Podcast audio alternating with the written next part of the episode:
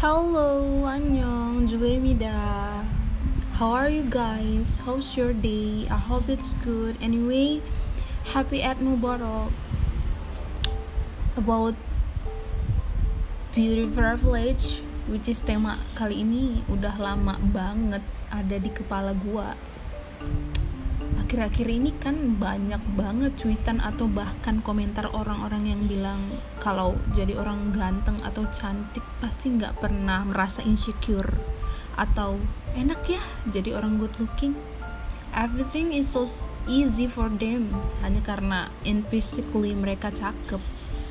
Sebelum kita ngobrol lebih dalam lebih masuk akal kalau kita ngomongin privilege-nya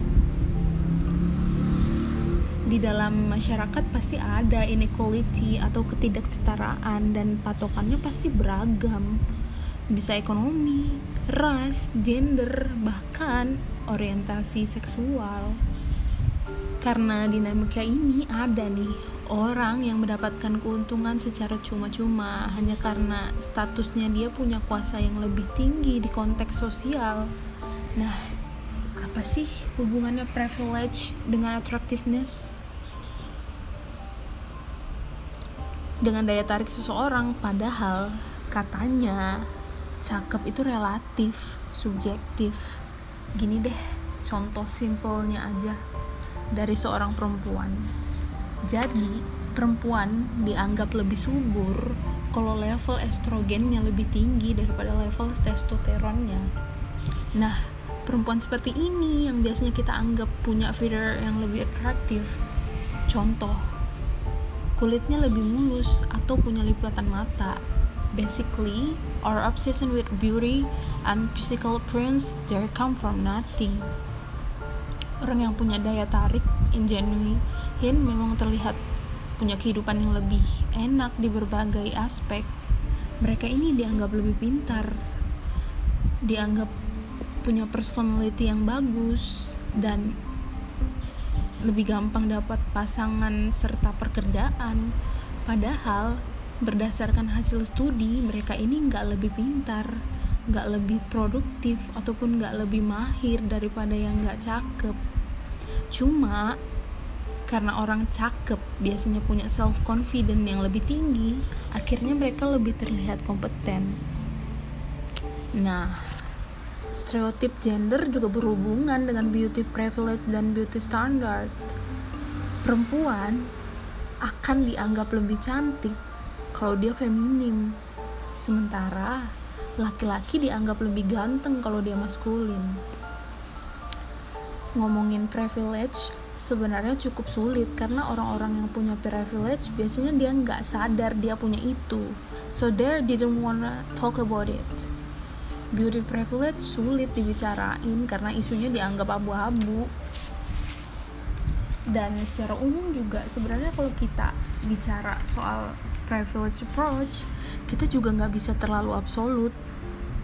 Kita nggak bisa pukul rata kalau individu ini hidupnya akan straight up enak terus dan gampang karena muka dia good looking. Karena poin penting dari privilege itu adalah konsep in intersectionality yaitu manusia punya berbagai identitas dan setiap identitas tersebut berinteraksi satu sama lain.